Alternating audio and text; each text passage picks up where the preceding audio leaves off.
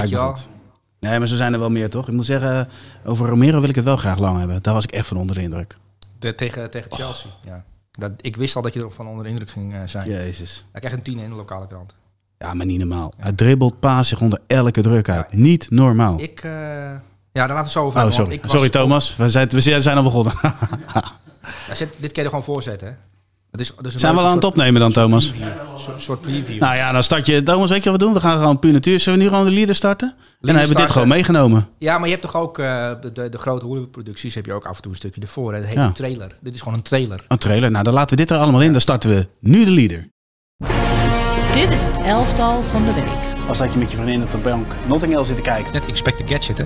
Ik heb eh, afgelopen weekend over voorassist gedroomd. Onnavolgbaar. Hij is weer ouderwets een absoluut statistieke monster. Dat is gewoon mooi. Dit is zo'n romcom. Van Suleiman en Jarno. Ja, jongens, welkom bij een nieuwe aflevering van het elftal van de week. We waren al even begonnen, de leader starten daarna. Suleiman, eh, we gaan net als vorige week aftrappen met twee vragen. Daar hoeven we niet direct antwoord op te geven, wel kort reageren en dan komen we er later op terug. Eh, Messi eh, wint de FIFA-verkiezing, maar de echte winnaar staat in jouw elftal van deze week. Ja of nee? De echte winnaar. Ja. Ja. Koeman verrast niet. Bellingham in de top 3 is volkomen logisch. Top. Dan gaan we beginnen met eh, de doelman. Want jij hebt eh, op doel Edgar Badia. Die heeft eerder overigens in jouw elftal van de week gestaan. Wat opvallend is, hij krijgt er wel drie om zijn oren. En toch staat hij in jouw elftal. Nou, Nou, ja, ehm, Elche Betis. ehm, Elche komt met 2-0 voor. Ze Ja. staan onderaan. eh degradatiekandidaat nummer 1 in Spanje. En Edgar Bardia is een goede keeper. Ehm, die staat al een aantal weken in de top 3 wat betreft eh, XG on target. Dus eh, doelpunten voorkomen, daar is hij heel goed in. Hij heeft eigenlijk meer doelpunten voorkomen dan je op basis van de cijfers zou verwachten. Ehm, toch is hij... hij heeft nog geen enkele keer de nul gehouden. Dat is ook wel grappig. ja. Maar goed, Elche Betis, 2-0 voor Elche en dan rode kaart en Betis gaat drukken. En hij pakt de ene na de andere onwaarschijnlijke bal. Hij pakt ook een strafschop van Borja Iglesias. Zo, nu was, dat was niet eens slecht ingeschoten. Hè? Nee, die was vrij goed ingeschoten. En dat heeft ook Borja Iglesias na afloop gezegd. Is dat familie van Iglesias? Denk het niet. Oké. Nou, Je jammer. bedoelt eh, de, de reservekeeper van Real Madrid vroeger? Nee, Julio Iglesias. Jij is toch de reservekeeper geweest van Real Madrid vroeger? Ja, en dan heb je nog? Enrique Iglesias. Enrique Iglesias. Ja? Ja. Wie hebben we nog meer? Ik heb geen idee. Ik ken Oké. de hele Iglesias-familie niet uit mijn hoofd. Oké, Eh, maar in ieder geval, Borja is een spits van Betis. Ja. Ehm, en die heeft na afloop gezegd, ja, soms moet je voor prestaties van voetballers, en in dit geval Edgar Bardia, eh, gewoon applaudisseren. De strafschop die hij pakt, eh, de wedstrijd die hij keept. Eh, hij is de beste man op het veld. Hij was de man van de wedstrijd, maar ze hebben met 3-2 verloren. Ze hebben weer verloren, weer drie goals tegen. Ehm, maar En deze hoe slecht is Eltje dan? Ja, Elche is niet zo heel goed en daarom gaan ze ook degraderen. Maar deze Edgar Bardia maakte al een, eh, een heel jaar reclame voor zichzelf. Uh, daar op doel. En, eh, en pakt, eh, pakt onwaarschijnlijke bal. Is ook wel voor een keeper dankbaar in zo'n elftal, want je krijgt veel te doen. Dus je hebt ook veel mogelijkheden om uit te blinken. Ehm, maar als we gaan kijken de ranglijst, en eh, eh, Canada heeft weer zijn best gedaan. Ehm, sinds deze week de nieuwe koploper in het klassement goals voorkomen in de grote vijf competities. Op één Edgar Bardias dus ehm, 9,6 goals, dus bijna 10 goals voorkomen. Op twee Ellison en op drie Jevan Diouf van Stad Rijms. Ehm, en ook de meeste reddingen in de grote vijf competities. Hè. Dat is eh, David Raya van Brentford op 1 met 100 reddingen. En daarna komt Edgar Bardia met 98 reddingen. Dus hij is vrij aardig bezig, alleen Eltje eh, niet. En die zijn onderaan. Maar toch wel even goed om hem weer even te noemen, Edgar Bardia. Eh, want als Eltje degradeert, denk ik wel dat hij opgepikt zal worden. Dat mag ik hopen, ja. Ehm, wat voor Dat cijfer krijgt hij? Een eh 9,5 voor Edgar Badia. Uitstekend. Drie goals tegen, gewoon een 9,5. Het kan. Ja, maar dat is toch mooi juist? Dat is toch mooi juist? Hey, we gaan door naar de volgende. Dus Christian Romero. Ja, daar wilde jij het over hebben. nou, daar wil ik het over hebben. Daar ben ik van onder de indruk. Ja. Waarom? Waarom ben je er van Nou, onder de indruk? Tottenham-Chelsea. Chelsea heeft de intentie om druk te zetten, toch? Ja, dat dat ja, zag ja, je vanaf absoluut. het begin. Druk zetten, ja. Maar deze man, of hij nou onder druk gezet wordt niet, hij dribbelt zich eruit, hij paast zich eruit. Er gaat geen bal terug naar de keepers. Alles is voorwaarts. Had een goede connectie met Skip. Goede ballen tussen linie naar eh Kane. Ik was echt zo onder de indruk van hem. ja. En Ja. heb ik nog niet eens over het verdedigen. Ja, want het is ook nog eens iemand die ingrijpt als het moet. Al Ja. Langs de zijlijn, als het een eh, 50-50 is, dan pakt hij alles mee. Zeker. Gewoon oh, even laten voelen dat je er bent. Sterling had een zware middag. Eh, ja. Ehm, ja, jij hebt het over Cristiano Romero. En die vond ik ook de grote uitblinker. Kreeg je in de lokale krant eh, in Londen kreeg je een 10. En terecht. Ja. Dit was een, dit was een, een optreden voor een 10. Ehm, zowel aan de bal als zonder bal. Geweldig. Ja. Ehm, maar ik was ook onder de indruk. En dat heeft natuurlijk ook te maken met Romero. Eh, maar ook met de rest van het elftal. Van heel Tottenham. Chelsea ehm, heeft natuurlijk problemen. En eh, Graham Potter staat enorm onder druk. En die spelers die krijgen allerlei verwijten. Maar je ziet dat eerste half uur dat ze wel de intentie hebben om als groep. En ze zetten best oké druk. Het is niet dat ze, dat, ze, dat ze geen energie in die wedstrijd leggen.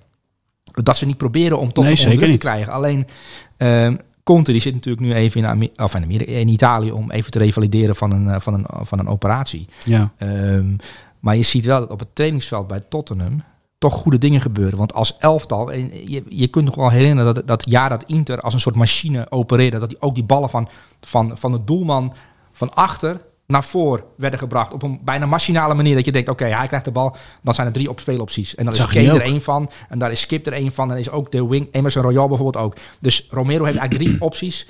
En het is op knopje drukken en optie 1, optie 2 en optie 3. Ja. Eh, en als optie 3 niet beschikbaar is, maakt iemand optie 3 open. Dus de lijnen openzetten. Je ziet heel duidelijk dat dit een elftal is waar heel veel training en arbeid in zit. En dat vond ik mooi om te zien tegen Chelsea. Een tegenstander die probeert druk te zetten tot een verwacht het. En eh, dan kun je ballen naar voren schieten en dan komen ze snel weer terug. Ja. Maar ik vond dat vanaf het doelman, hè, eh, ze proberen van achteruit, vanuit eigen, de eigen 16 meter, op te bouwen. En dat continu. Eh, Maar er zit er nog steeds in timing, Julie. Want je kunt het helemaal voorprogrammeren. ja. Maar wat, wat opvallend is bij hem, is dat hij het moment waarop paast, hij is continu aan het binden. Waardoor Dyer bijvoorbeeld alle ruimte, die is aan de bal, eh, vind ik minder comfortabel dan, eh, dan Romero. Maar met name Skip, die kwam daardoor echt een aantal keer goed vrij. Want hij wacht, hij wacht, weet je, twee, drie man bindt hij aan zich en dan speelt hij in. En dat is dus wel weer zeg van het programmeren is echt mooi om te zien. Want je ziet inderdaad Kane die uitzakt, Emerson Royal die, die hoog staat, laag staat. Ze variëren daar ook in. Ja. Maar ja, ik vond, ik vond in dit geval zijn timing van passing vond ik nog wel het meest indrukwekkende wat ik gezien heb van die En dat wedstrijd. verwacht je toch niet van, van Nee. Cristiano Romero. Omdat je dat eerder verwacht misschien van Erik Dyer. Omdat Ja? hij middenvelder is geweest. Ja, maar die was niet midden, minder comfortabel. Eh, eh, Ja, en, en ja, Cristiano Romero speelde echt een geweldige wedstrijd. En eh, eh, hij is wereldkampioen. En het valt me sowieso op dat iedereen die wereldkampioen is. Dat met- dus, dus Argentijnen, Ja. die, die op hoog niveau voetballen. Die Maria schiet ook balletjes erin. Eh, Je hebt in Europa League tegen. Zeker, drie Met keer. linker. Jeetje, Mina, die bal. Ja, Ehm, alle Argentijnen die, ehm, die voelen zich lekker. Hè? Die, die- ook die jongen die bij Ajax heeft gezeten, nu bij Sevilla zit, die speelt dan tegen PSV. En schiet de bal in dat je denkt, goh, is dat dezelfde speler? Ja. Het is, alle Argentijnen lopen anders over straat, want ze zijn wereldkampioen. Dus ik heb het over gewoon boodschappen doen in, in Buenos Aires. Dat doen ze allemaal een stuk ontspannender. En die voetballers zijn ook allemaal wat losser. En Cristiano Romero zie je terug. Je ziet bij Messi, die, die wint dan weer een FIFA-prijs. Maar misschien gaan we het er nog over hebben. Ik weet ja het niet. zeker. Ehm, ehm, dat geldt ook voor Lisandro Martinez. Misschien staat hij ook al in je elftal. Wie weet. Maar alle Argentijnen die, eh, die, zitten, die, zitten, die zitten lekker in hun vel. Ja, dat, is, dat, dat, dat doet wereldkampioen worden met je. Dat hebben wij nog nooit meegemaakt. Wat het, wat het betekent om wereldkampioen te zijn. Nee. Mooi gedachte. Maar goed, eh, Romero, eh, de uitblinker tegen Chelsea. Wat voor cijfer krijgt hij van jou? Hij krijgt een 10 van de lokale krant. Nou, ik ga altijd mee met de lokale journalisten. Steun je lokaal, hè, hebben we tijdens de coronaperiode meegemaakt. Dus dat, dat, dat, dat hou ik erin. Goed zo. Dus, eh dus een 10 voor Cristiano Romero. En eh, ja, jij had het over dat, dat die diversiteit in zijn spel, of veelzijdig in zijn spel. Aantal slagen dribbel, de meeste van hem, to- Romero. Ja. Meer tackles dan Emerson. Oh nee, Emerson alleen meer tackles. 6 om 5, maar heel veel tackles. Eh 10 van zijn 14 duels gewonnen. Dus inderdaad verdedigend ook goed. En veroverde ook nog eens 7 ballen. En alleen Emerson veroverde meer ballen. Maar die Emerson Royal trouwens, die is ook de laatste weken geweldig in vorm. Ja. Als wingback. Er was een beetje twijfel over. En ook Conte was geïrriteerd over zijn, over zijn spel. Ze hebben natuurlijk eh, Porro gehaald. Als soort van nou, verbetering. En sinds Porro is gehaald, eh, is het niveau van Emerson. Zie je concurrentie, wat de concurrentie kan doen met spelers. kan twee kanten op gaan. Hè? Je kan ook eh bezwijken onder de druk. Ja. Maar mooi. En ook weer mooi de cijfers vanuit Canada natuurlijk. Ja, mooi. Ja, ja, ja, ja, heel, ja, met Romero in de basis windpercentage 60%. Zonder Romero 50%. Eh dus een klein verschil, maar het is een verschil. Het is een verschil. Mooi. We gaan door naar de volgende. En dat is Kim.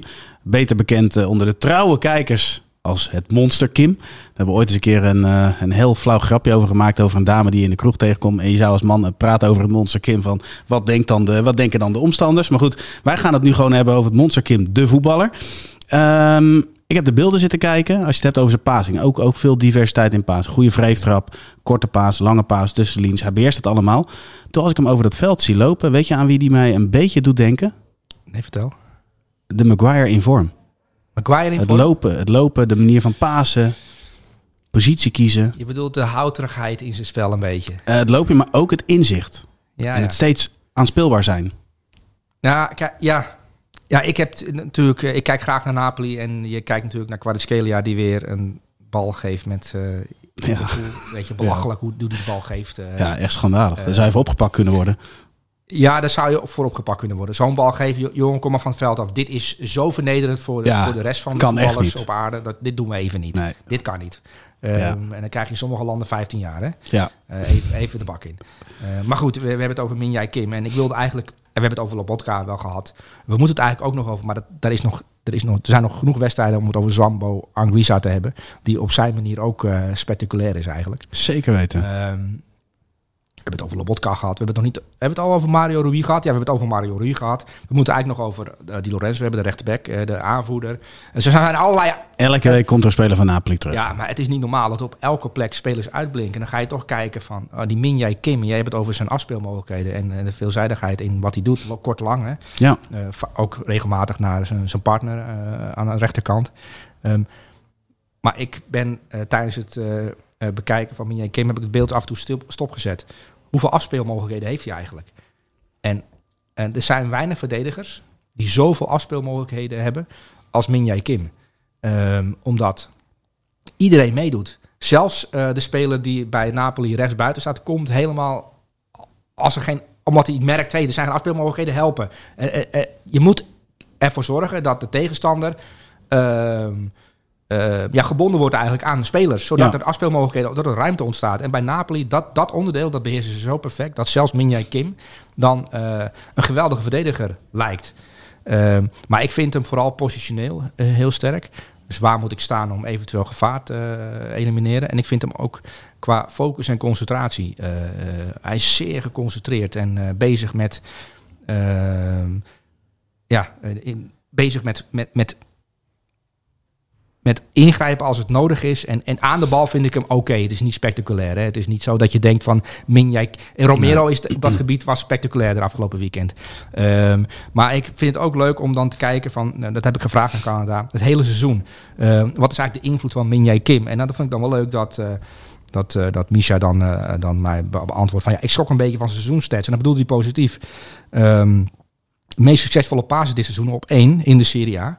Minjai Kim, eh 1803. Dat heeft ook te maken met de manier waarop Napoli voetbalt. En de afspeelmogelijkheden die er zijn. Want er Ja. zijn ook wel zo, zoveel eh, mogelijkheden om te pasen. Op twee, Di Lorenzo, dat is natuurlijk ook een speler van Napoli.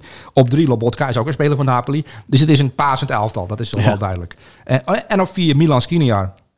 Dat een van de eh betere verdedigers in Europa eh, speelt bij Inter. Ehm, en ja, dat is niet zo gek, heel gek dat Paris Saint-Germain die heel graag wil hebben. Dat Manchester United hem heel graag wil hebben. Eh, en meer clubs natuurlijk, want Milan Skriniar is natuurlijk een van de betere verdedigers. Ehm, maar Minjai Kim ook, hè, die maakt ook reclame voor zichzelf. En die is voor relatief weinig geld, 40 miljoen euro, op te halen bij Napoli. Dus het kan zomaar zijn, er wordt getrokken aan Osimhen, er wordt getrokken aan Kvaratskhelia. Eh er zal al aan meer spelers worden getrokken, want er lopen allerlei eh, fantastische voetballers rond bij Napoli. Maar daar is het monster Kim eh, er ook één van. Ja, toch mooi. Toch dat- goed gezien dat je hem uit bij Fenerbahce zo'n speler oppikt. Want als je gaat kijken naar het centrale duo van Napoli en je zegt van deze ploeg staat 18 punten voor op de nummer 2 in Italië en ze spelen achterin met Ramani en Minjai Kim. Dat dat kan klopt. dus gewoon. Maar dan zie je dus toch dat, dat in Italië zie je dat meer clubs dat, dat goed beheersen. Vorig jaar Milan verraste natuurlijk ook met centrale duo achterin. Ja, we hebben natuurlijk vorige week over Malik Thiaw gehad. Die stond natuurlijk nu weer in de basis. En eh, Milan heeft natuurlijk weer gewonnen. Weer de nul gehouden. Voor de vierde keer op rij met Malik Thiaw achterin. De nul gehouden. Dat is toch wel een speler ook om in de gaten te houden, Malik Thiaw. Die is nu bijgezet op Pioli. Slatan heeft zijn, eh een, zijn, zijn entree gemaakt. Dus Milan die staan er weer goed bij. Hè? Bij de tweede, derde plek in de Serie A. Dus die, die hebben het goed op orde. Die spelen tegen Tottenham trouwens. Natuurlijk de return. Eh, ze hebben een voorsprong. Dus we kunnen nog wel eens eh, wat Milan aan, het werk, aan, ja, Milan aan het werk gaan zien met deze Malik. Eh, en Minjai Kim natuurlijk ook, met Napoli in de Champions Zeker, League. zeker Dus, eh, weten. Eh Zonne met 2-0 bij Empoli. En wat krijgt hij voor zijn optreden al daar? Een 8,5. 8,5. Oké, we gaan door naar de volgende verdediger. En dat is Lisandro Martinez. Ehm wij hebben natuurlijk allebei die wedstrijd zitten kijken. Eh, wat mij opviel aan het begin is dat, dat Newcastle was heel erg aan het aftasten. Je hield het heel compact. Ja. Wilson was de enige die er af en toe een beetje uitkwam. Ja, waardoor Martinez eigenlijk een beetje aan het twijfelen. Ja, wat ga ik nou doen? Wat ga ik nou niet doen? Nou, daarin vond ik zijn keuzes eh, goed en degelijk. Maar pas toen Newcastle druk ging zetten, dan pas zie je hoe goed Lisandro Martinez is. Ja. Als hij onder druk gezet wordt dus. ja, als er dus ook ruimte is. Want- Ja, maar waarbij je ook snel moet handelen. Ja, ja, snel handelen. Ja, Ehm, het is een combinatie van factoren. Kijk, Casemiro was de allerbeste man op het veld. En eh, we kunnen het elke week over Casemiro hebben, maar die was nu weer... eh, ja, eh, hij maakt natuurlijk de, die bal kopt die binnen. Maar los daarvan, de opbouw van zo'n wedstrijd met Casemiro eh, voor naar achteren. Het is echt, een, echt een, iemand met eh, het stuur in handen. Ehm, fascinerend om naar te kijken. Zeker als je daarop gaat letten. Ehm, dan, dan, is, dan moet je eigenlijk het over Casemiro hebben. Maar Lisandro Martinez, ehm, die speelt dan tegen Callum Wilson. En, dat is, en Callum Wilson is natuurlijk een jongen die graag de diepte induikt. En die graag eh, fysieke duels aangaat. En, eh, maar Lisandro Martinez, die is eh, 1 meter 71, 1 meter 70. En die zie je dan in de eerste vijf minuten twee kopduels aangaan. Eh, Een van de weinige voetballers die kleiner is dan wij. Toch? Zo kunnen we het wel stellen. Eh, ja. Ja. Precies. Ja, ja, Ja. ja. ik- waarom je hier het over wil Ja, beginnen, nee, weet gewoon. ik niet. Maar dat zit ik, niet, ik heb helemaal geen enkele moeite met mijn lengte. Hè. Nee, ik ook ik niet. heb ook eh, jarenlang achterin gestaan hè, om grote, kopsterke eh, types als Haaland te dekken. Maar dan in het amateurvoetbal. Ik, bedoel, heb net zo'n leeuwenmoed als eh, Lisandro Martinez. Je was toch van de Zuidvogels? Zuidvogels? Heb je toch gevoetbald? Nee, een heel andere club. Nee, ik heb bij Zilvermeel gevoetbald en bij KFC gevoetbald. Ah, maar ik, eh, voor speciale opdrachten, als er, een, als er een grote Turk in de spits stond, dan mocht Ja? de kleine Turk eh, die gaan dekken. Want dat ik was ben niet het monster Kim, maar het monster Soelie. Het monster precies. Ja, Oké, ga door. Ehm, maar Lisandro Martinez, het monster Lisandro Martinez, de killer. ja, ehm, of de butcher, zoals hij werd genoemd natuurlijk in Amsterdam, de slager. ja. Ehm, als je zijn statistiek gaat kijken bij United, van alle spelers van United, de meeste passes, Lisandro Martinez, 1233 passes. Nou, is niet Jezus. heel relevant om te noemen, maar de meeste passes, meeste intercepties, meeste geblokte schoten, daar is hij ook goed in. Hè? Op het laatste moment een, een, een, een bal op doel voorkomen met een tackle. Of met, Ja. een, blok, met een blok eigenlijk. Eh meeste uitverregende acties, Lisandro Martinez. Meest gewonnen luchtduels, na Casemiro, komt Mart- Lisandro Martinez. Meeste uitverregende acties, na Varaan, eh, komt Lisandro Martinez. Eh, meeste balheroveringen, na Fernandes.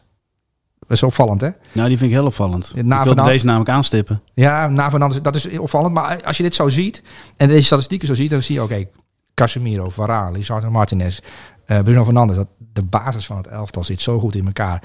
Als Ten Hag het voor elkaar krijgt in de komende zomer om, om echt voetballers te strikken die het elftal beter maken, dan, he- dan heeft Jurgen Klopp een probleem. En dan heeft ook Pep Guardiola een probleem. Maar goed, dat is een hele, van een hele andere discussie. Maar Lisandro Martinez speelde in de finale een, een, goede wedstrijd. Ja, en dan eh, wordt... eh nee, nee, Ten Hag is al de beste trainer op dit moment. Hè. Dus, las ik in het rondje langs de buitenlandsveld. Dus dat eh een mooie kop. Eh, ik weet niet of ik het precies zo gezegd heb, maar eh, als je dit kan met, met United, waar een uh, prijzendroogte heert van, van zes jaar. Eh, kijk, de League Cup is slechts een begin. Maar de manier waarop hij een, een, een, een, een, mentaal zwak elftal heeft omgetoverd tot een elftal dat het veld opgaat tegen wie dan ook, City, Barcelona, in dit geval Newcastle United, en, en, en, en, en de wapens heeft om zo'n wedstrijd eh, te domineren op allerlei vlakken, zowel defensief als aanvallend. Ja, dan heb je als trainer goed voor elkaar. Dan weten de spelers precies wat ze moeten doen. En dan behoor je tot, eh, tot een select groepje van trainers die, eh, die, die tot de beste behoort in, in, in hun vakgebied. Eh doel John Heitinga zal er heel veel van kunnen leren van Erik ten Hag natuurlijk. En, en hoe United eh, nu, eh, nu, nu voetbalt. Ja. En zo, zo kun je nog een paar namen noemen. Ruud van Nistelrooy. Ze zijn natuurlijk allemaal beginnelingen vergeleken met Erik ten Hag. Ja, maar goed, ervaren trainer doet ook steeds iets anders. Want je ziet steeds, ik had er met Pieter over in de VZSM, dat of het nou Go Eagles, Utrecht, Ajax, hij, hij steeds verlegt hij wat accent. Het is nooit een, een kopie van de vorige club. Eh, maar wat ik leuk vond, is die open brief aan de supporters. Zei, joh, Mark, komt allemaal goed. De toekomst ziet er goed uit voor, voor United. Dus ook het zelfvertrouwen, de bravoure. Ja, ja, dat, ja, dat, Dat vind ik echt mooi. Ja, je, je- we vergeten soms dat mensen zich ontwikkelen. Door mensen die in, in een bepaald vakgebied actief zijn. eh, jaar 1 en jaar 10 is natuurlijk een groot verschil. Jaar 5 en jaar 13 is een groot verschil. Ehm, en, en, en, en Eens, Hag- maar hoeveel mensen houden zich niet vast aan het kunstje wat ze beheersen? En dat ze, daar, dat, dat, ze dat doen en niets anders? Ja, maar dat... eh, kijk, eh, Sir Alex Ferguson, om het bij United te houden... die heeft vanaf 1986 eerst vijf jaar nodig gehad... om, om, om, om, het kunstje te gaan beheersen natuurlijk. Hè, bij United dan. Ja. Want hij heeft daarvoor ook wel flink wat gewonnen. Ehm, maar die heeft een keer of vijf, zes, zeven, acht... mi- misschien wel acht keer... elftallen vernieuwd. Dus Weronie bijvoorbeeld eh, halen. Van Persie. Ja. Eh, hij is natuurlijk, hij wilde eigenlijk al stoppen in 2001 of zo. Ferguson dacht, hij, ik ben oud, ik stop ermee. En hij is nog tien jaar doorgegaan. En, en, en hij, die kan je nog in dat Aguero die goal maakte tegen QPR, die 3-2, dat United geen kampioen werd. Ja. Hij wilde eigenlijk dat jaar stoppen, Ferguson. Maar dacht, ja, ik kan niet stoppen als nummer 2. Weet je wat? Ik wil nog één keer kampioen worden, dan stop ik. Nou, eh, Van Persie erbij gehaald, Robin van Persie. Ja. En, en die zorgde ervoor dat United het jaar daarna natuurlijk eh, kampioen werd, als ik, als ik het me goed herinner. Volgens mij Met een nieuwe rol voor Wayne Rooney. met een nieuwe rol van Wayne Rooney. Dus ja, eh, het, het, na een nederlaag het elftal zodanig veranderen... of na een slecht seizoen of na een minder seizoen... eh, het elftal weer nieuw leven inblazen. Ja, Sir Alex Ferguson beheerste dat kunstje als geen ander. Dat was eigenlijk de grote kracht van Ferguson. Dat hij op tijd inzag, oké, eh, die defensie die wordt wat traag. Er moet, er moet vernieuwing in. Hè, Ferdinand. Ehm, en ja, Ten Hag die heeft die eerste twee nederlagen van het begin van het seizoen... daar heeft hij heel veel informatie uitgehaald. Ehm, en ja, zoveel informatie. En daar is hij mee aan de slag gegaan. Oké, dit moet anders, dit moet anders. En dan- je ziet dat per week werd het elftal beter. We gingen steeds enthousiaster praten over de prestaties van United. Ja. En op een gegeven moment dachten wij toch ook... zijn we niet enthousiast? Slaan we niet een beetje door? Eh, want je zag al heel veel goede dingen. Ehm, eh, en en op een gegeven moment... Ja, ik kijk natuurlijk heel veel eh, wedstrijden in die grote vijf competities. En, en dan kun je ongeveer wel afmeten van... dat is een goed elftal, dat is minder goed elftal. Daar gaat het goed. Mhm. Daar wordt niet goed druk gezet. En op een gegeven moment denk ik, ja, maar United behoort gewoon bij de beste vijf elftallen van dit moment. Ik zie eigenlijk weinig elftal die, die de dingen beter doen dan, dan United. bizar? En dat is natuurlijk, als je ziet waar ze vandaan komen, eh, een beetje eh, ja, het lachertje van het Engelse voetbal, Manchester United. En zeker na die twee, twee nederlagen in het begin van de competitie, met een trainer die uit de Eredivisie-competitie totaal nog niet heeft bewezen in de absolute top, behalve de Champions League dan met Ajax natuurlijk, waar hij wel naam heeft gemaakt. Ehm, maar dan kom je bij, bij zo'n club terecht. Ja, en dat staat nu zo goed. En het zelfvertrouwen zie je ook inderdaad, wat jij terecht aanstipt, bij, bij, bij Erik ten Hag, die, die, die, die dan spontaan beter Engels begint te praten door dat zelfvertrouwen. Ja, En ja. ook wat steadier staat. Ehm, en eh, ja, dat is, dat is mooi om te zien, dat hele proces van... eh, van eh, Ja, en dan te bedenken dat Weghorst daar gewoon een rol in speelt. Ik wil nog wel even naar, naar iets anders doen. En nogmaals, het heeft helemaal niets met voetbal te maken. Wij hadden het vorige week over... wij zouden naar Marop halen in Parijs en we zouden naar de McDrive gaan. Wat zouden we dan bestellen? oh, Ferguson heeft natuurlijk gedineerd met, met Ten Hag of andersom. Weet je, ik weet niet wie wie uitgenodigd heeft. Maar dan ben ik ook nieuwsgierig. Wat zouden zij nou bestellen? Wat zouden zij nou eten? jij hebt niet je onderzoek verricht? Nee, maar Nou, ik jij? heb namelijk wel mijn onderzoek verricht. Eh, en dat was nee, ik lach niet. Dat weet ik ook van je. Nou, maar wat, voor restaurant zit ze dan? Het was geen eh, vijf-sterren restaurant hoor. Gewoon een heel normaal restaurantje waar jij en ik ook gewoon de rekening kunnen betalen. Eh, rood wijntje erbij. En Dus we hadden ook zomaar in hetzelfde restaurant kunnen zitten. per ongeluk, ja, als we, in, als we daar in de buurt waren geweest. En de voorstad van Manchester, dan hadden wij daar inderdaad. maar vind ik wel mooi dat je die foto's van Erik ten ziet met een rugtas en een plastic tas om zijn om fiets, stuurfiets heen. Door, door het centrum aan het fietsen. Eh, kijk, we hebben het natuurlijk wel eens gehad over Julian Nagelsman die op een skateboard door de stad eh, zich Ja, begeeft. dat is wat denkt, is dat nou de trainer van Bayern München die daar over een, met een skateboard over de stoep raast? En in Manchester zie je dan een, een kale man fietsen met een plastic tas. En dat is dan, dat is dan Erik ten Hag. Ja, maar terug naar de vraag, want jij hebt je onderzoek verricht. Wat hebben ze dan besteld? Dat weet ik niet. Wat denk je? Ja, ik ben, nou, dat, dat, dat is nou echt wat ik van jou wil weten. Nou, aangezien, wa- wat, wat eet je bij rode wijn? Dus je kan het een beetje... Ja, vlees, Stukje rood vlees. Ik ja. denk een stukje vlees. Ja. Dus ja, maar dit is niet heel spannend, hè? Maar waarom wil je het hierover hebben? Nou, gewoon, het is gewoon meer eh, van, jij, jij, jij weet... afslag. Nee, nou ja, kunnen we ook af en toe doen. We hebben het wel eens over films, we hebben het wel eens over, nou ja, eh, culinaire eh, zaken inderdaad. Daar hebben we het ook wel eens over. Maar het is toch gewoon interessant. Veel, wat zou een man nou gewoon bestellen? Ferguson schat ik namelijk in als iemand die, die hond trouwens, die heeft vaak een beetje hetzelfde. Nou, als je weet waar Ferguson vandaan komt en waar zijn werkethiek vandaan komt en de manier waarop hij natuurlijk Haggis. 26 jaar, is niet lekker, nou, niet Haggis, maar die, die komt natuurlijk eh, van de scheepswerven vandaan, van Glasgow, die is opgegroeid. Die heeft zijn vader hard zien werken, Eh, elke dag vroeg opstaan, niet zeiken. Ehm, en en, en, en dat, dat zie je terug in, in, in, in, in, in, eh, in Sir Alex Ferguson. Ehm, ik denk niet dat hij heel fancy eten, heel hele hippe is niet van de liflafjes. Nee, niet van de liflafjes. Eh, die wil gewoon eh, eh, een stuk vlees en een goed, een goed glas rode wijn erbij. Hè. Ehm, Daar is ook niks mis mee. nee. Maar goed, we hebben het over Martinez. eh, zijn optreden tegen Newcastle United. Negen. Een 9. we gaan naar de volgende. Dat is een middenvelder. Car Gabriel Veiga. Excuses. Ik was al bij de volgende. Ehm Roepnaam middenvelder? Gabri Feiga. Eh, middenvelder die eh, bij ja, dit is een speler om in de gaten te houden. Dit is eh, gewoon een tip van de week eigenlijk. Ja. Eh Celta de Vigo, jeugdspeler. Ehm, speelt naast Fran Beltran. Fran Beltran is iemand die het spel super simpel houdt. En Vega staat daarnaast en die heeft eigenlijk de vrijheid om eh, diep te gaan. Zit, ik vind het een vrij dynamische speler. Er zit heel veel diepgang in. Activiteit ook. Scorend vermogen. Ehm, en dit is een speler die nu een afkoopclausule heeft van eh, 40 miljoen in zijn contract. De Celtic Vigo wil graag eh, dat openbreken en eh, richting de 100 miljoen brengen. Want er zijn natuurlijk allerlei clubs nu al eh, die op deze Gabriel, Gabriel Vega of Gabri Vega zijn gestuurd. Want dat is een sensatie in, in, in Spanje bij Celtic Vigo nu. Maar gaat- springt er echt uit bij, bij hem, vind jij? ja, ik vond hem tegen Real Valladolid. Ik weet niet of jij de beelden eh, goed bekeken hebt van eh, Gabi Vega. Kort. Maar dat was sensationeel. Ehm, en als je dan gaat kijken naar zijn cijfers.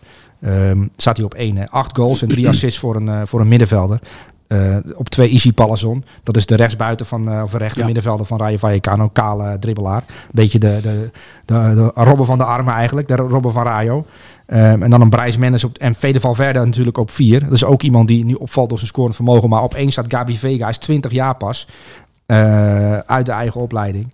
Ehm, en die, alle grote clubs die in Europa die, die, die natuurlijk de scouting serieus nemen, die hebben deze jongen ja, op de lijst gezet. Omdat hij, net als Valverde bijvoorbeeld, eh, ja, een verdediger. hij is eigenlijk een, een totaalpakket. eh, je, je kunt, we, gaan het, we gaan het zo hebben over eh, Nederlandse middenvelden. Eh, die is goed in eh, een aantal zaken. Eh, je, hebt, je hebt verdedigers, of je hebt middenvelders die zijn goed in ballen veroveren. Je hebt, je hebt middenvelders die zijn goed in, eh, in aansluiting vinden met, eh, met een spits. Zo Bijvoorbeeld Ja. Davy Klaassen, die is, die is goed in aansluiten. Ehm, en zo heb je allerlei kwaliteiten bij, eh, bij middenveld. Maar deze jongen die heeft alle kwaliteiten. En waar zie je hem dan het liefst? Want je geeft aan 100 miljoen. eh, clubs hebben hem in, eh, op de radar. Laat maar zeggen. Nou ja, waar zou hij- jij hem? Of uh, Celta Vigo heeft natuurlijk wel in de gaten dat, dat deze jongen nu... Is een kleine hype aan ontstaan rondom zijn persoon. Ehm, kijk, de Spaanse bondscoach heeft hem ook gewoon op de lijst staan. En het kan zomaar zijn dat hij erbij komt. Omdat hij echt heel goed is.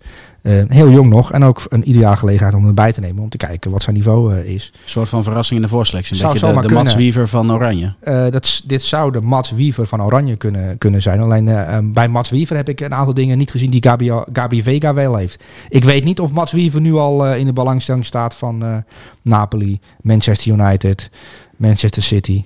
Dat soort clubs.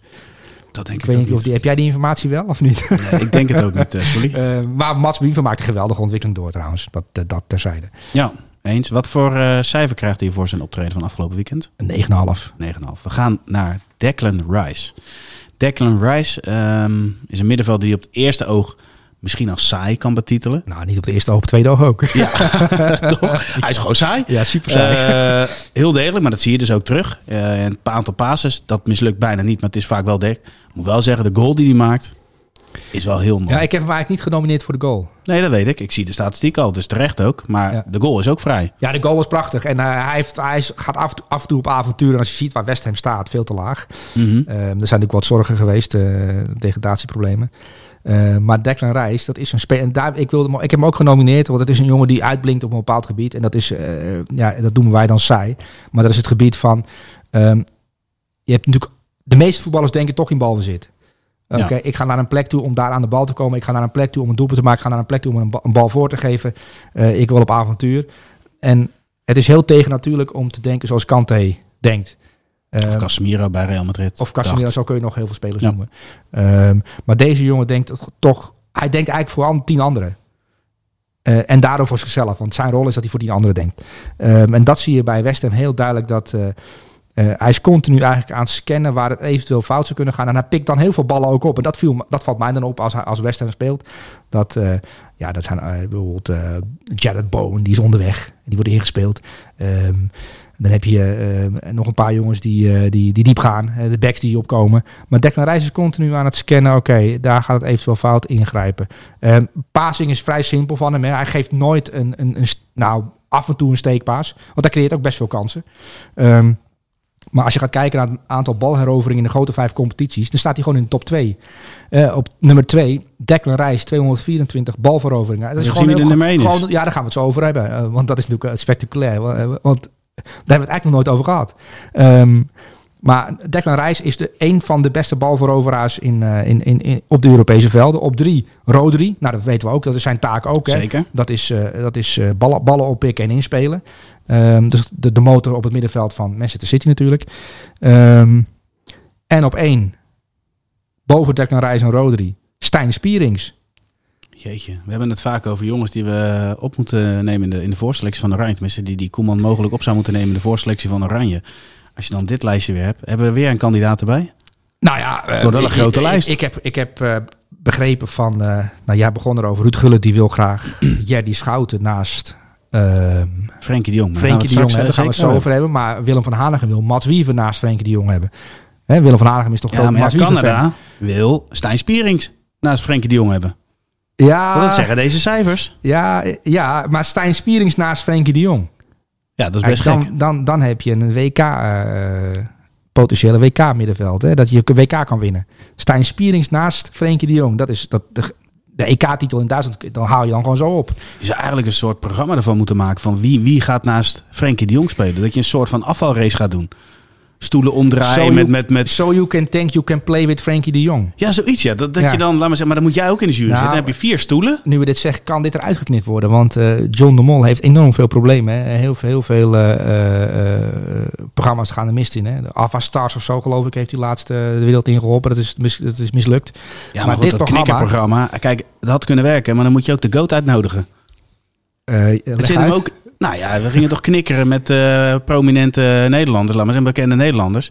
Het zit hem ook in de casting. Het is Ja, niet alleen is het waar. format. Het format kan fantastisch zijn. Maar de casting is minstens zo belangrijk. Van lol op een middag in, in een of andere industriehal gaan lopen knikkeren met, eh, met de VI-redactie. Het zou trouwens wel leuk Voor zijn. het juiste bedrag. Ja, Voor het juiste bedrag.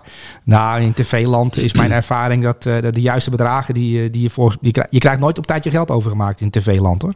Oh. Of ik heb hele slechte contacten, maar ik. Nou ja, je moet een goede manager hebben. ja, ik moet eigenlijk een manager in dienst nemen die Maar dat allemaal regelt. Ga even terug naar dat format. Weet je, eh, hoe, hoe, hoe noemt hij dat ook alweer? So you can think you can play with Frenkie de Jong. So you can. So you think you can play with Frenkie de Jong. Ja, dan hebben we vier stoelen. Dus jij denkt dat je met Frenkie de Jong kan voetballen? Dat is wat Nederlands. Want we zijn nog een Nederlands programma. Ja, maar hoe gaat het dan? Moeten ze eerst een soort van, van auditie doen? Nou, we gaan gewoon beelden bekijken en, en, en, en daarna eh, auditie doen, ja. En dan Ja. drukken we op de knop van Ja, stoel draait. Wie zit er dan in de jury? Jij? Ja eh, Kenneth Perez. Kenneth Perez, ja. Sorry. Gullet? Nee, dat ik niet. Want? Kijk niet genoeg voetbal. Kijkt te weinig voetbal, oké. Van de Vaart. Van de Vaart eh, mag Je moet ook bij. iemand hebben die op gevoel doet, hè? Ja, die heb gevoel. Van de Vaart ziet veel. Dus eh, qua, ik bedoel, die, die, als hij naar voetballers kijkt, dan, dan ziet hij van, dat is een voetballer. Dus eh, Pieter Zwart erbij? Je wilt, er moet zo, minstens één nerd in beeld. Of, eh, ik weet wat je, ja, Pieter Zwart. Ja? Nee, top, ja, top. maar serieus, dat is Ja. echt een gaaf format. Ja, dat is een gaaf format, ja.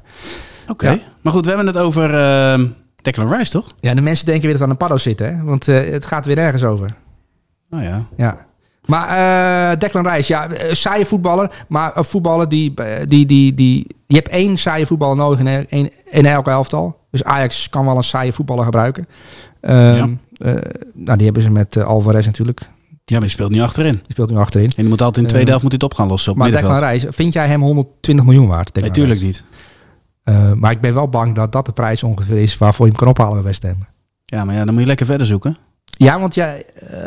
ja, Oké, dus jij vindt saaie voetballers zijn per definitie Nee, maar niet... kom meer- op, hè. 120 miljoen moet je wel iets meer toevoegen aan een elftal. Dan moet je, dat, dan moet je gewoon lekker zeggen van joh, blijf dan maar gewoon lekker bij West Ham en we gaan verder zoeken. Maar, Maar stel je nou voor dat Declan Rice... Je hebt, je hebt, je hebt voor tien- welke club denk je dan? Nou, Chelsea. Chelsea. ik oh wel, ja, die, hebben, die hebben nog niet zoveel spelers, toch? nee, nee, dat is niet genoeg. Een backup voor Enzo Fernandes, ja. Maar niet een backup, gewoon. Maar eh, stel je voor, je hebt tien voetballers. Maar Ja. het loopt niet, je, je wint niet. ehm, eh, eh, die spelers, het komt er niet uit.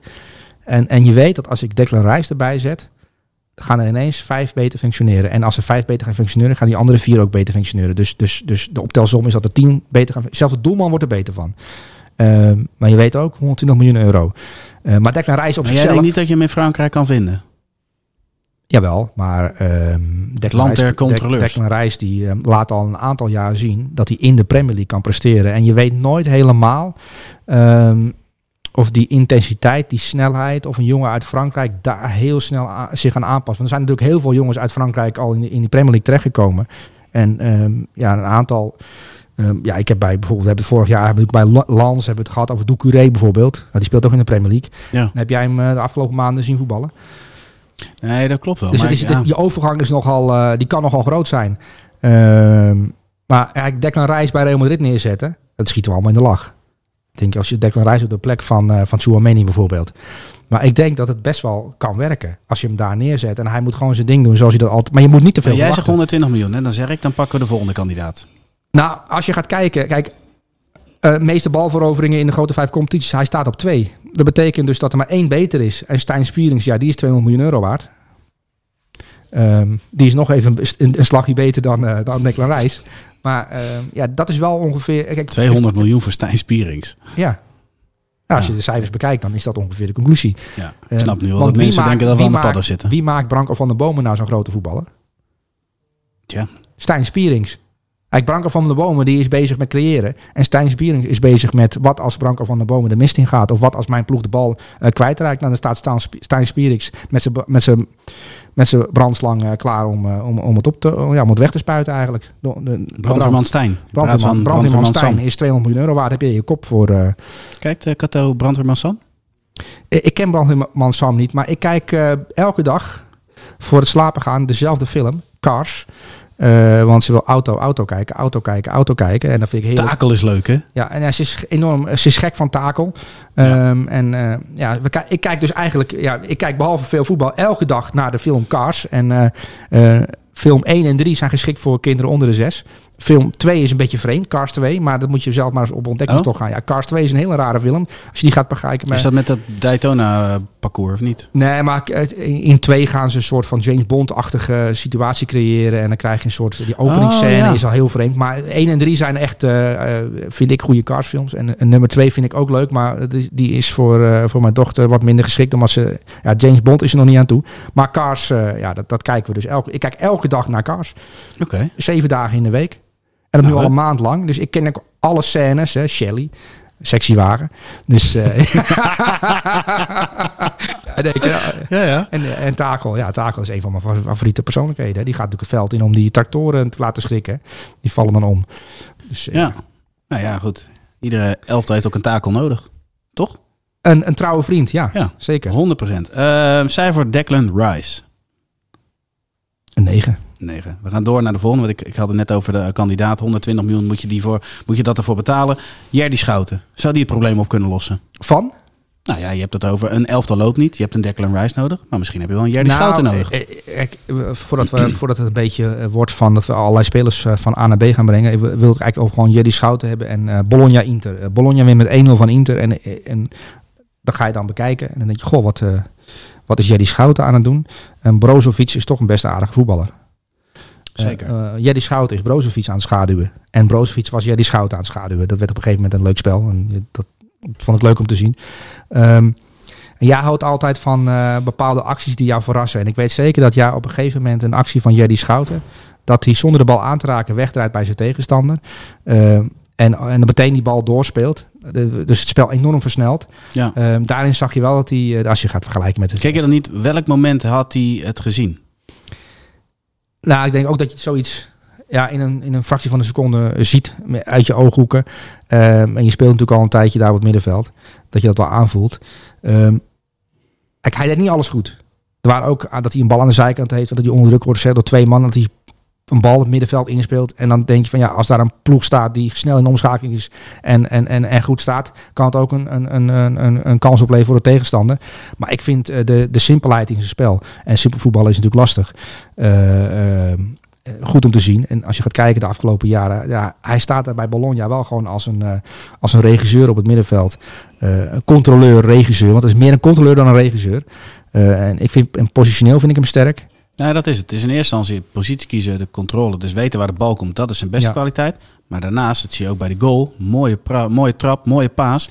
Ook een hele goede traptechniek. Ja, op goede traptechniek. Hij gaf ook een geweldige assist nu op Orsolini. Hè. De, de, de 1-0 wa- de- Ja. heeft hij goed gezien. Nou, een geweldige bal. Eigenlijk perfecte bal op, eh, op een van die aanvallers van Bologna. En waardoor ze die wedstrijd winnen. Maar positioneel eh, goed staan. En ook ballen Pasen eruit halen eigenlijk. En als je dan de cijfers gaat bekijken eh, in de Serie A, dan staat hij natuurlijk best wel hoog qua eh, ehm, eh, intercepties. Er zijn eigenlijk maar twee spelers in de Serie A die, die meer intercepties hebben dan, dan Jerry Schouten. Dat is Morten Huelman van Letje en Wallace van Udinese. Dus hij staat qua intercepties op nummer drie in de Serie A. En als je hem dan gaat vergelijken, en dat heeft Canada ook gedaan, ehm, op zevende plek qua balveroveringen per 90 minuten. Dus hij staat gewoon, ehm, hij behoort, behoort tot de betere eh, controleurs in de Serie A. Nou, dat is natuurlijk wel, dat is een enorm compliment voor Jerry Schouten. Dus bij Bologna speelt een van de betere controleurs in de Serie A. En als je ook ziet de ontwikkeling die hij heeft doorgemaakt, hij is toe, denk ik, aan een stap hoger om uitgedaagd te worden. En dan wordt het wel spannend. Kan hij dat hogere niveau? Kan hij op de plek van Brozovic excelleren bij Inter? Zo, ja. 26 jaar, dus hij heeft nog even de Ja, tijd. natuurlijk. Hij, hij, hij heeft. Wa- Wat het fijne is van Jerry Schout is dat hij natuurlijk in de luwte zich heeft kunnen ontwikkelen bij Bologna. Dat hij daar veel speelminuten heeft, eh, heeft kunnen maken. Dat hij ook veel fouten Ja. heeft kunnen maken. Maar hij veel heeft kunnen leren. En dat zie je terug bij, eh, bij Jerry Schouten. Eigenlijk Mats Wiever wordt oranje nou, niet ingepraat, want die heeft op basis van zijn prestaties gewoon terecht eh verdient hij alle lof. Ma- Mats Wiever, hè, onder leiding van Arne Slot en, en Feyenoord. Die heeft een geweldige ontwikkeling doorgemaakt. Maar Jerry Schout is vier seizoenen verder. En die, die verdient ook eigenlijk de credits. En daarom is het wel terecht dat Ruud Gullit hem eruit pikte als eh, eventuele partner van, eh van Frenkie de Jong. Maar hij is natuurlijk al een keer uitgeprobeerd in Oranje. En dan gaan mensen toch naar hem zitten kijken. Zo van, nou, we gaan nu eens even kijken wat die Jerry Schouten kan. En dat is eigenlijk oneerlijk. Want je moet kijken naar de, ja, de ontwikkeling die hij heeft doorgemaakt. En op basis van de ontwikkeling die hij heeft doorgemaakt bij Bologna... en de prestatie die hij nu neerzet, en zeker de laatste weken... eh, verdient hij ook een oproep voor Oranje, ja. Ja, maar als je nou kijkt, Martin Roon speelt vaak naast Frenkie de Jong. Zeker in de een totaal periode ander type. Koeman. Zeker ander type, maar ik denk wel dat, dat Schouten iets extra's toe kan voegen. Ja, maar Maarten de Roon is toch, ehm, als je op de winkel moet passen, om het zo maar te zeggen, eh, de, in de controle, eh, die denkt nog defensiever. Maar dat is voor die bepaalde wedstrijd, toch? Voor ja, bepaalde wedstrijden. Ja, nee, maar dat is dus de vraag. Want ehm, hoe, ja, hoeveel risico wil je nemen? En, en aan, aan, met, aan wie word je eh, gekoppeld? Kijk, Van Gaal zag geloof ik Martin de Roon als vervanger van Frenkie de Jong. En niet als partner van Frenkie de Jong. Uh, en die, uh, dat heeft hij natuurlijk uitgelegd. Nou, zo zijn er allerlei, ja, dus je kunt er allerlei uh, smaken op loslaten. Maar je moet ook kijken naar in wat voor systeem speelt hij. Wie speelde om, om hem heen? We hebben het net over die Gabriel Feiga gehad. Ja, die speelt met iemand naast zich die het spel ongelooflijk simpel houdt. En die houdt het zo simpel dat Gabriel Feiga zijn dingen kan doen. Dat die, die, die blijft ook op, altijd in de positie staan. Kijk, Frank de Jong is onderweg. Dan heb je daar in de buurt wel een speler nodig die die middencirkel een beetje bewaakt. Maar eigenlijk zeggen dat Schouten dan te veel doet om naast Frenkie de Jong te spelen. Nou, misschien is die Schouten te veel Frenkie de Jong. Het is eigenlijk een mindere versie van Frenkie de Jong. En dat bedoel ik mee, het is de volgende stap. Wat deze jongen natuurlijk uh, gedaan heeft bij Bologna is, is bewonderenswaardig. Hij heeft een geweldige ontwikkeling doorgemaakt vanuit Excelsior. Uh, en, nu, en, nu, en nu is de... Kan hij Inter aan bijvoorbeeld? Dat is de vraag. Nou, Frenkie ja. de Jong kan Inter wel aan. Dat weten we. Die we zien met Barcelona voetballen, die we bij Oranje zien voetballen. Uh, ja, ik vind uh, Jerry Schouten een type Frenkie de Jong. Alleen dat dribbelen naar voren, het avontuurlijk, dat zit er bij hem minder in. Het is allemaal wat veiliger, maar dat kan ook te maken hebben met, uh, met bepaald karakter en uh, ook uh, zelfvertrouwen. Maar dat Jerry Schouten bij Bologna laat zien, ja, dat is wel, dat is wel, ja, dat is, dat is wel het, het melden waard. Ja, absoluut. Um, Zeker in deze wedstrijd tegen Inter was hij echt goed. Nou ja, absoluut. Maar dan gaat het over intercepties. Maar als je, als je kijkt naar zijn grootskwaliteit, is dat hij vaak weet waar de bal gaat vallen. Dus vaak komt hij niet eens in duels, omdat hij weet, hij leest het spel gewoon heel ja. goed. Ja, dat is ook, dat is ook een kwaliteit ja. van, van, van een goede controleur. Ja. Dat je het spel een beetje kunt lezen, ook zonder bal. Ja. Helemaal eens. Uh, cijfer voor zijn optreden tegen Inter? 8,5. 8,5. We gaan naar Julian Brandt. Vorige week kwam die al uh, ter sprake. Toen zei hij al van ja, die jongen speelt zo verschrikkelijk goed. Nou, laten we eens beginnen met zijn, zijn doelpunt. Gaan we daarna de connectie met Bellingham bespreken. Mhm. Mm-hmm. Doelpunt achterwaarts kopbal. Nou ja, goed gezien, bekeken. Technisch vaardig. Ja, ik, ik, die kopbal is leuk. En uh, oh, ja, daar heb ik hem eigenlijk niet om genomineerd. Want ook zonder die kopbal had ik hem misschien wel genomineerd. Omdat ik wilde eigenlijk... Uh, ik, je zat er al een tijdje aan te denken om te Ik zat er al een tijdje aan te denken. Maar elke keer is Jude Bellingham dan beter. En, en um, um, ik vind het ook leuk om... Uh, kijk, elf van de week zit altijd een soort van... Ja, heel stiekem. Maar ik doe, wil het graag over spelen. Elftal hebben die ook een beetje in vorm zijn. Dus zodat je, dat je de, als kijker denkt... Gewoon, we gaan eens een keer kijken naar uh, Gabriel Celta de Vigo speelt misschien binnenkort tegen Real Madrid of Barcelona of uh, weet ik veel, Valencia. We gaan eens kijken naar die, uh, die, die Gabriel Veiga. Um, um, en Julian Brandt, die, die speelt natuurlijk al een tijdje bij Dortmund. Maar dat is in aanleg echt een waanzinnige voetballer. Die heeft heel veel eh, snelheid, dynamiek, techniek, inzicht, eh, loopvermogen. eh, links en rechts, maakt niet zoveel uit. En als je dan gaat kijken nu naar hoe, hoe dit Dortmund een beetje functioneert en wie waar staat. En jij wil het over de connectie met Bellingham hebben. Ehm, maar Julian Brandt is eigenlijk rechter middenvelder en linker middenvelder bij dit Dortmund. Hè. Het is afhankelijk van eh, waar, ze, waar, ze, waar de bal is, daar is hij eigenlijk al. Ja. Bij- de- daar is hij in de buurt. Ehm, en ik denk dat ja, sommige voetballers en creatievelingen zoals Julian Brandt, die hebben op een gegeven moment toch... Ja, we hebben het over die knop gehad vorige week. Hè? De knop van, eh, van Diego Simeone en Brian Robbie en dergelijke. Ehm, en dat is voor deze jongen, en ik heb wat interviews gelezen met mensen om hem heen die zeggen, ja, hij heeft, hij heeft nu eindelijk eh, ehm, ja, door waar het echt om gaat. Eh, dat hij niet alleen op talent, want hij kan op talent eh, makkelijk die wedstrijden spelen. Maar hij is nu ook iemand die doorbijt. En, en, en, en die, die die meters ook laat tellen. En dat zie je ook terug in de statistieken. Het Canada bijvoorbeeld dan zo. Bijna Rashford-achtige cijfers eh, in 2023. En zijn laatste acht wedstrijden, één keer niet lukt het hem om een goal of assist te geven. Vijf goals en twee assists. Dus hij is nu in wedstrijden eh, dominant aanwezig, ook in, in rendement. Dus ja, ik kan leuk voetballen. En de ballen leuk aannemen, kun je wegdraaien. En, en, maar het is nu ook gewoon allemaal richting de goal. Het is gericht, het is, eh, met een doel, het is bewust eigenlijk wat hij doet. Ja. En als je gaat kijken naar het aantal kansen dit seizoen in de Bundesliga, die gecreëerd. Op één Hofman, nou ja, daar hebben we het al een aantal keer Geen verrassing. Ehm, en op twee Julian Brandt. En op drie eh, eh, Joshua Kimmich. Ehm, dus hij is de grote kansenmachine van, eh kansenmachine van, eh, van Borussia Dortmund. En een belangrijke speler op weg naar eventueel landstitel. Het gaat natuurlijk eh, waarschijnlijk tussen Bayern München en Dortmund. Eh, en Bayern München zal wel winnen. Ehm, maar willen ze kampioen worden, dan zijn ze ook afhankelijk van, eh, van Julian Brandt en zijn goals en zijn assist. Ja, en dan de connectie met, met Bellingham. Eh, Ik haalde het net aan het begin van de uitzending al aan van ja, Koeman. Die heeft eh even voor jouw beeld eh, de FIFA Best Man Award. En dan moeten de bondscoaches en de aanvoerders moeten hun top drie. Nou, Koeman koos voor, voor Messi, Modric en voor Bellingham. Ja. Ja. voor ons totaal geen verrassing natuurlijk. Nee. Ehm, maar ook, ook nu, als je dan de beelden ziet tegen Hoffenheim. Die connectie met Bellingham. Ja, goed. Iedereen heeft die connectie met Bellingham. Want Ja. Belling lopen overal. Dus het is ook wel makkelijk om te zeggen. Als je volgende week een andere speler van Dortmund pakt. Zeg ja, de connectie met Bellingham. Of je pakt een. eh, zelfs de keeper heeft een connectie met Bellingham. Ja, wat ik eh, mooi vind aan, aan Jude Bellingham en, en ook de connectie met Julian Brandt. Kijk, Julian Brandt kon, die, die, die, die vaak uit naar de rechterkant bijvoorbeeld. Een zijlijn, om daar, Ja. om daar bijvoorbeeld een driehoekje te creëren.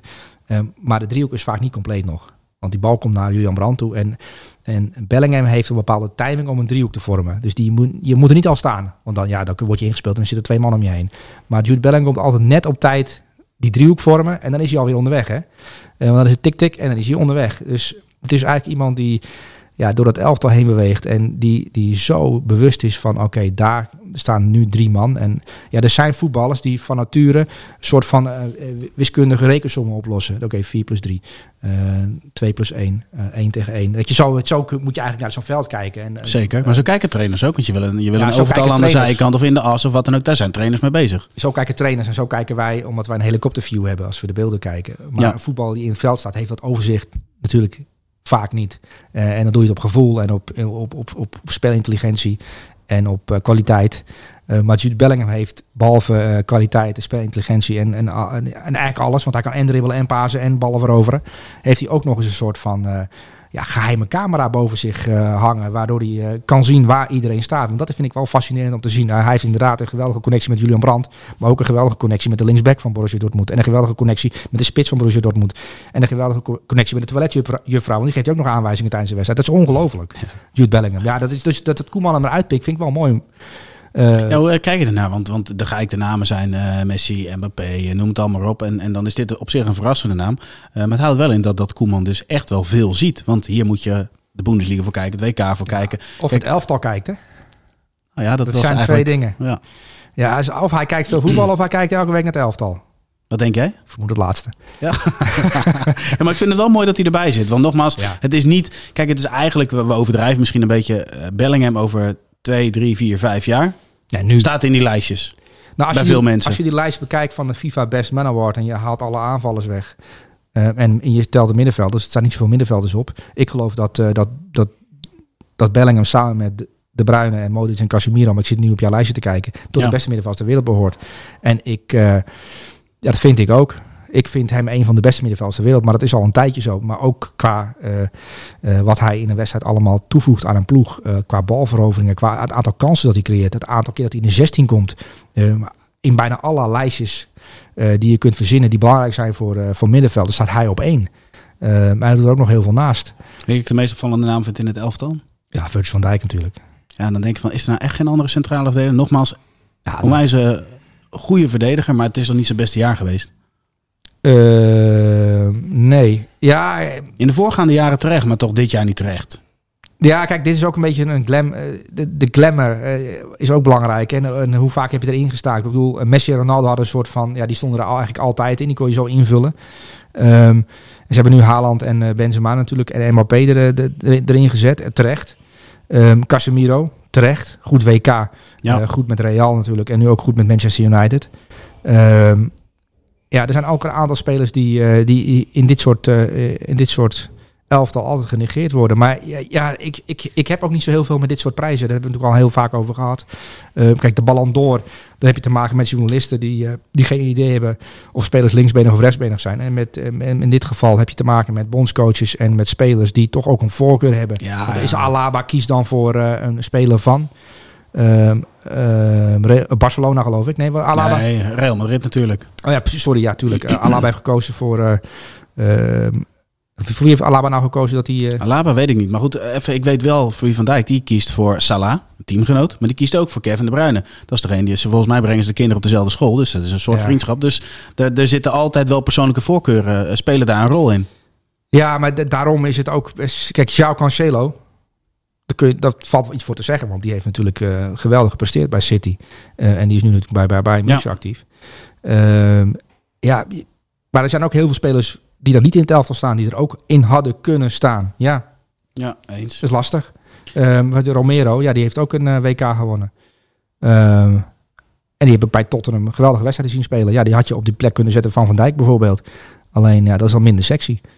Klopt, ja. Ja, goed. Ehm, blijft lastig. Eh, we hebben het over Julian Maar van Brandt. Van Dijk zelf is natuurlijk wel geweldig dat hij er weer in staat. Ik bedoel, ehm, het is toch wel bijzonder dat een Nederlandse verdediger... En, en, en, en je- ik begrijp wel dat het, als je zo hoog bent gekomen als Van Dijk... dan is natuurlijk ook de kritiek ook, komt ook harder aan. Ja. En die kritiek is ook... ook ja, je krijgt veel Maar de kritiek. reputatie houdt ook aan. Ja, ja, maar hij heeft een bepaalde reputatie. En omdat hij, als hij dan een keer een bal eh, eh, verkeerd inspeelt... of hij staat er een keer, hij staat, hij staat een keer als een schaatser, zoals Gul het eh, uitlegt. Ja. hij, staat, hij staat in eh Tialf. Met de hand op de rug. hè, Met de hand om de rug om, om, om, om, ja, om geen hands te maken.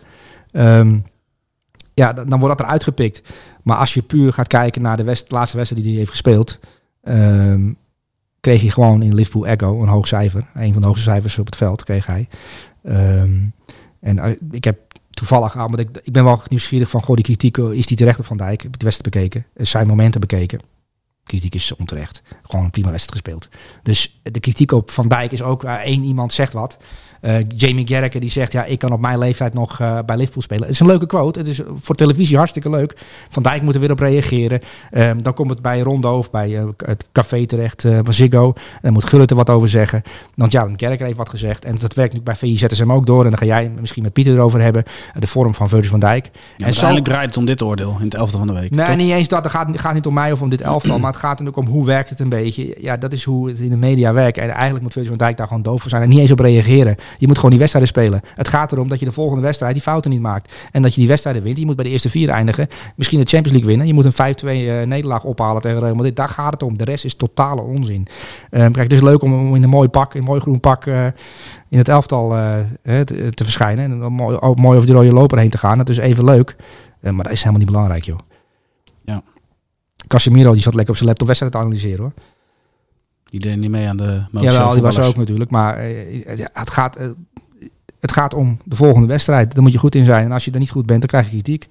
Ehm, ja, zo simpel is het. En hij is zwaar geblesseerd geweest. En dan haalt hij dan aan dat hij eh, trots op het feit is dat hij zwaar geblesseerd is geweest. En heel veel wedstrijden heeft gespeeld. En nu ook weer een blessure heeft gehad na het WK. En nu ook weer gewoon een aantal keer 90 minuten heeft gespeeld. Ehm ja, moet gewoon presteren. En Ja. als je niet meer presteert, dan word je ingewisseld. Ook bij Liverpool. Ook als aanvoerder. Helemaal eens. Zullen we Dus naar ja, de aanval dus- gaan? Ja. Cijfer voor brand. Nog wel even belangrijk. Een 8,5. 8,5. Oké, we zijn aanbeland bij eh, Kingsley Coman. buitenspeler van Bayern München. Uh, Bayern speelde tegen Union. Dat leek in de eerste helft gewoon op een omsingeling waarin Coman een belangrijke rol speelt met zijn snelheid. Ja, uh, wat wel interessant is, kijk, Bayern München speelt natuurlijk in een bepaald systeem. Uh, 3-1, 4. Ja, wat, hoe, hoe wil je het benoemen? 3-1, 4-2 of zo. Zoiets is het, ja. Um, maar uh, na afloop vertelde Julian Nagelsman dat Kingsley Coman geen concurrent is van Sané, uh, Mane of Gnabry. Dus hij ziet hem niet als aanvaller. Hij ziet hem niet als centrale aanvaller. Want hij, hij ziet hem als een flankspeler. Ja, ja, ja. Hij ziet maar in de breedste zin van het woord, toch? Ja, in de breedste zin van het woord. Uh, maar hij ziet hem eigenlijk als concurrent van uh, bijvoorbeeld. Die, die ook aan die rechterkant kan spelen. Want hij, voor hem is hij iemand die echt aan de zijkant geplakt... Als wingback eigenlijk. Ja, eh, wat Davis aan de andere kant doet. wat Davis aan de andere kant doet. Maar Davis is natuurlijk meer verdediger. Hè? Dat is Ja. van origine een linksback. En Kingsley Coman is van origine een aanvaller. Ehm, maar hij ziet Maar nu hem... praat je even voor de duidelijkheid, nu praat je over de veldbezetting met aanvallen. Ja, Dus dan, dan, dan staan ze inderdaad met drie centerverdedigers. Het Ja. moment dat ze verdedigen, dan krijg je wel weer de structuur dat Davies terugkomt en dat je in een viermans achterhoede ja, ja, precies. Want dat, is, dat zijn Ja, die even- schuivende panelen. Precies. En als je dat dan... in- dat kan Pieter heel mooi uitleggen met, eh, met schijfjes. Eh, maar Kingsley Coman moet wel meer verdedigen dan vroeger. Ja. Ehm, hij komt vaker tegen de eigen 16 meter aan dan, dan, dan hij gewend is. Ehm, en kijk, Bayern München is volgens Van der Vaart een van de grote favorieten voor de Champions League zegen. En eh, die, die, in de competitie hebben we toch een aantal keer lastig gehad. En ook in de Champions League natuurlijk. Ehm, ondanks dat Paris Saint-Germain hebben die wedstrijd wel gewonnen. Eh, maar toch ook kwetsbaar oogden ze af en toe. Ehm, en ja, Nagelsman is daar toch bezig met ehm, een elftal neerzetten die wel waar zijn handtekening onder staat. Je ziet dat Kingsley Coman is wel echt eh, bezig met. ehm, en het plan was wel duidelijk om Union over de flank kapot te spelen. Dat, dat deden ze goed. En als je Ja. dan ziet wat Ajax tegen Union produceren qua creativiteit en qua kansen. En dat ze er vaak, dat ze kwamen helemaal niet doorheen. En dat kwam Bayern München toch wel. eh, als je die wedstrijd bekeken hebt, dat Bayern München wel oppermachtig was. En ook eh, de counter er vrij goed eh, uithaalde door goed druk te zetten. Ja. Ehm, en, en Kingsley Coman is volgens eh Julian Nagelsman, als hij fit is, in vorm is en er lekker in zit, en dat had hij natuurlijk tegen Union, behoort hij tot de drie beste aanvallers ter wereld, volgens Nagelsman. Eh, wat vind jij daarvan? Hij is wel echt ongelooflijk in de eerste twee meter. Hè? Hij schiet echt uit de startblokken. Ja, maar als je dan, als je dan de vergelijking, hè, dan moet ik gelijk aan Frimpong denken. Eh, qua, qua type... ja, eh, als je dan toch die, hoe die positie ingevuld wordt. Van is het nou een buitenspeler of is het nou een verdediger? Hoe, hoe vult hij zijn rol precies in? Waar, hoe ligt de verhouding tussen aanvallen en verdedigen? Dan vind ik hem, eh, ja. tenminste dan, dan hebben zij wel overeenkomsten. Maar dan is nog wel steeds de vraag van, ehm, het is uiteindelijk gewoon een buitenspeler die iets meer moet verdedigen. Ja, ja precies. En, en bij Bayern München speelt ook heel vaak op de helft van de tegenstander. Want, want eigenlijk speelt Matthijs de Ligt op een plek van een middenvelder. Alleen ja, Ja. er staat iemand achter hem. Dus er is geen verdediging meer. Dus hij is een verdediger. Want ja, er staat iemand achter hem. Eh, maar Kingsley Coman speelt natuurlijk in de zone van een aanvaller. Als je zijn heatmap bekijkt, is het gewoon Ja. een aanvaller. Ehm, alleen als Kingsley Coman een fout maakt, dan zijn er nog maar drie spelers achter hem. Normaal gesproken. Als er niet één verdediger nog meegetrokken is. Want dat wil ook nog wel eens gebeuren. Dat Pavard bijvoorbeeld eh, eh, door het centrum trekt. Ehm, maar Kingsley Coman vind ik, is, een jongen die natuurlijk een geweldige cv heeft. Een erenlijst. En ja, het is natuurlijk een Fransman. Eh, veel gewonnen. Ehm, maar ik, ja, hij is wel op een bepaald gebied een van de beste wapens op die flank. Als je hem neerzet daar. Want kijk, Mbappé is bezig met doelpunten maken. Kingsley Coman is niet direct bezig met doelpunten maken. Die is bezig met, ik ga nu iemand voorbij dan geef ik de bal perfect voor. Op bijvoorbeeld eh, de spits of de inkomende middenvelder. Of eh Goretzka bijvoorbeeld die inkomt. Ehm, en ja, als onderdeel van het Bayern München machine is zo'n fitte Kingsley Coman wel echt heel belangrijk. Dat blijkt dan ook wel tegen Union. Ja, Ehm, en dan geef ik eh Nagelsman wel gelijk. Dat, eh, ja, er zijn niet heel veel betere ehm, wingbacks in dit systeem dan, eh, dan Kingsley Coman. nee, en ook weer mooie statistieken. Uh, meeste kansen creëert het open spel. di- ja, dit seizoen per eh 90 speelminuten is, is inderdaad Coman. Dat zegt wel iets over zijn functie daar aan die, aan die, aan die vleugel. Mhm. Dat hij ja, per, de- ja, per 90 minuten de meeste kansen creëert van alle spelers in de Bundesliga. Ehm, ja, dat is dan ook zijn taak. Kansen creëren. Een verdediging openrijden. Zo, en, en dat is wat Ajax fout deed. Dat ze, dat, dat ze, ja, ze, ze, ze omsingelden Union wel, maar ze creëerden niets. Nee, En, en, en Nagelsman heeft dat natuurlijk bekeken, eh, dat Union. En, en, en, en ja, hoe kan ik die, eh, die hechte, eh, compacte ploeg uit elkaar trekken. Daar gaat het om. Hoe kan ik die ruimtes betreden die zij proberen te verdedigen? En dat is ja, dat door, door Kingsley Coman op een bepaalde manier te gebruiken. En door de veldbezetting op een bepaalde manier neer, neer te zetten. Dus ja, Heeft hij goed voor elkaar. Ehm, zijn cijfer voor zijn optreden tegen Union? een 9,5. 9,5. Oké, we slaan even één stap over. We gaan door naar Phil Foden. Mhm. En dan sluiten we daarna af met de, ja, de speler. eh, misschien wel waar we het over moeten hebben. Gezien eh, alle festiviteiten van gisteren. Eh Phil Foden tegen Bournemouth. Bij bijna alle momenten die voor gevaar zorgen is hij betrokken. Ja. Ehm, waar ik wel nieuwsgierig naar ben. En die vraag stel ik wel eens vaker aan jou. De assist. Je weet wat ik ga vragen. Ik heb geen idee wat je gaat vragen. Weet je het echt niet? Nee? 100% bewust of niet? Ik denk van wel. Ehm, ja, misschien 99% bewust. Maar de meeste mensen die nu luisteren hebben geen idee waar je het over hebt. Hè? Nou ja, er, er komt een voorzet. En normaal gesproken is het de meest logische dat je afwerkt op doel. En hij pakt hem met de buitenkant links, speelt hij hem af. Nou, ik twijfelde aan het begin of het wel of niet bewust was. Maar als je dan de beelden terugkijkt, neig ik wel naar bewust. Ja, wat ik bij Phil Foden het meest opvallende vind, ehm, en ook de goal die hij maakte, eh, die die, die, meeneemt. ehm, en hij heeft maar drie balcontacten nodig. Eh, zijn techniek op snelheid in de kleine ruimte Ja. eh, is wel echt. ehm, het is eigenlijk iemand, het is Iniesta, maar dan versneld. Een bepaald gebied. Hij heeft echt, echt bepaald soort lijm aan zijn schoenen zitten. Dat die bal die, die ligt daar altijd perfect. En als je naar Phil Foden kijkt, en dat, dat doen ze natuurlijk in, in de studio's in Engeland ook altijd. En hij speelt niet altijd, want ja, Riyad Mahrez is in vorm. Eh Bernardo Silva is in vorm. Ja, waar moet je Phil Foden dan neerzetten? Ehm, die dis- discussie is natuurlijk al eigenlijk al jaren aan de gang. Ja. Het is nog steeds een hele jonge gozer. Want hij speelt eigenlijk over het algemeen vaak op links. En vaak op links. Hij speelde nu natuurlijk op de plek van Riyad Mahrez vanaf rechts. En hij Ja. hield echt die vleugel ook. Hij hield het veld ook breed. En kwam pas naar binnen als het 1 tegen 1 was. Hè. Die kansen, die, ja. Ehm, dus er wordt dan is er goed over nagedacht. En, en ja, ik denk dat hij eh, geen trainingsbeest is. Dat, dat verklaart denk ik een, voor een deel waarom Guardiola hem niet altijd opstelt. Ik denk ook dat hij vaak, ehm, eh, ja, hoe zeg je dat, Eh, met zijn moeder op pad is. Ik weet niet of je de beelden gezien hebt ooit, maar eh, Nee. bedoel, hij, gaat wel eens uit Met zijn moeder. met zijn moeder. Dat doen Engelse jongens. Oké. Ehm, uit een bepaald soort milieu. Ehm, jonge moeder. Ehm, ja, kijk, je, je, je, dat kan je niet helemaal inschatten qua karakter. Het is ik denk niet dat een jongen is die, eh, die tegen Guardiola zegt, die, ochtends op een training, ik heb gisteren gekeken naar die, die, die en die wedstrijd en dat, dat en dat was opvallend. Wat vind jij ervan trainen? Ja, dat is natuurlijk wel waar Jude Bellingham naar kijkt of waar eh, Casemiro naar kijkt. Ehm, ja, ik weet niet of hij 100% daarop gefocust is. Maar het is qua eh, in aanleg, als je gaat kijken, echt een nummer 10. Hè? Ehm, net als Jack Grealish. Dat is ook zo'n type dat je denkt... Ja, eens. Terwijl zelf, ik moet wel zeggen, hij, hij vulde het tegen Bournemouth wel goed in. Had Ja. een goede connectie met Ja, Lewis. maar op een gegeven moment... ehm kijk, Leroy Sané is ook een geweldige voetballer. Alleen wel, ik denk ook eigenwijs in zijn manier van doen. Ja, Je ziet wel bij Bayern nu, nu die meer in de as van het veld staat, zie je pas hoe goed hij is. hij is, ja. Ja. Eh, maar Phil Foden, geef hem het shirt nummer 10. Geef hem een elftal net onder de top. En ik denk dat we het eigenlijk elke week over hem gaan hebben. Omdat je dan ziet hoe, hoe waanzinnig zijn eh, eh, techniek is.